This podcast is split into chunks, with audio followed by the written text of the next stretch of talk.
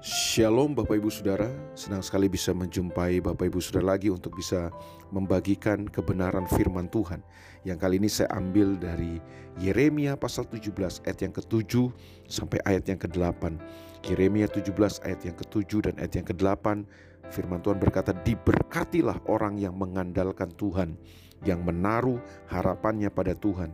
Ia akan seperti pohon yang ditanam di tepi air, yang merambatkan akar-akarnya ke tepi batang air, dan yang tidak mengalami datangnya panas terik, yang daunnya tetap hijau, yang tidak khawatir dalam tahun kering, dan yang tidak pernah berhenti menghasilkan buah.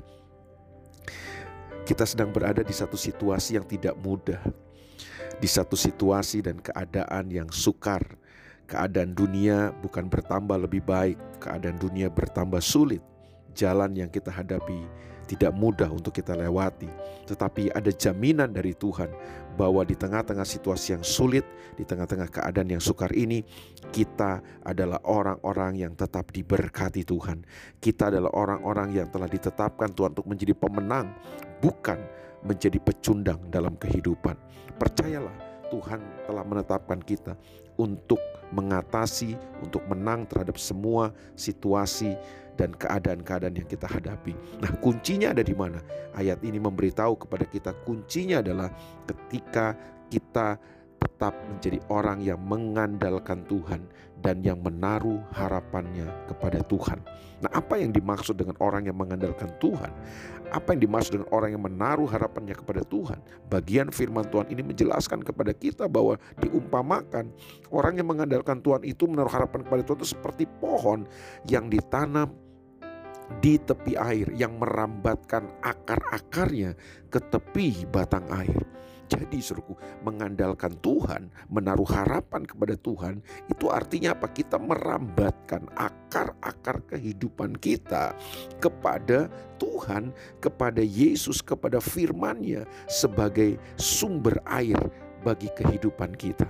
Nah, masalah terbanyak adalah banyak orang hari ini merambatkan akar-akarnya bukan pada Tuhan, tapi merambatkan akar-akarnya pada uang, pada harta, pada kekayaan, pada jabatan, pada posisi, pada kedudukan, dan lain sebagainya.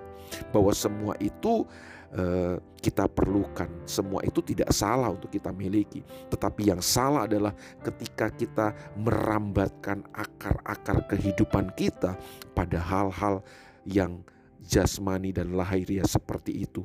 Hal-hal seperti itu gampang tersapu, hal-hal seperti itu gampang lenyap, hal-hal seperti itu bukanlah kekuatan, bukanlah sumber kehidupan. Itu sebabnya hari ini saudaraku, ke mana kita merambatkan akar-akar kehidupan kita hari ini. Di mana kita merambatkan akar-akar kehidupan kita? Kita rambatkan akar kehidupan kita pada Tuhankah atau pada yang lain? Merambatkan akar kehidupan pada Tuhan, itu maksudnya adalah kita membangun kesadaran dan ingatan kepada Tuhan, kepada firman-Nya, kepada kehendaknya, kepada perbuatan-perbuatan Tuhan yang ajaib. Sehingga waktu kita menghadapi tantangan, kita menghadapi masalah, kita tidak mudah kalah dengan semua situasi dan tantangan kita.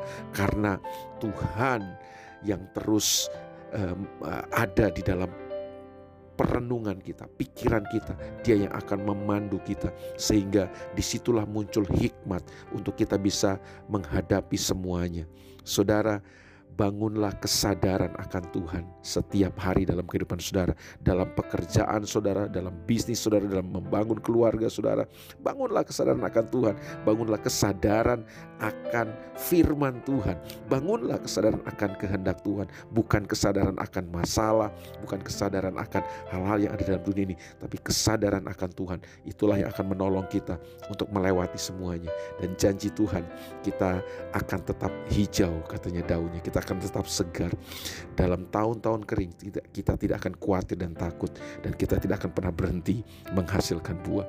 Selamat mengandalkan Tuhan, selamat merambatkan akar kehidupan saudara pada Tuhan dan selamat membangun kesadaran yang sungguh-sungguh kepada Tuhan. Tuhan berkati saudara. Mari kita berdoa. Bapa dalam nama Yesus, Engkau berkati umatmu hari ini. Kami percaya ini hari penuh berkat, ini hari penuh kemenangan buat kami. Kami melangkah bersama dengan Tuhan. Dalam nama Yesus kami berdoa. Amin.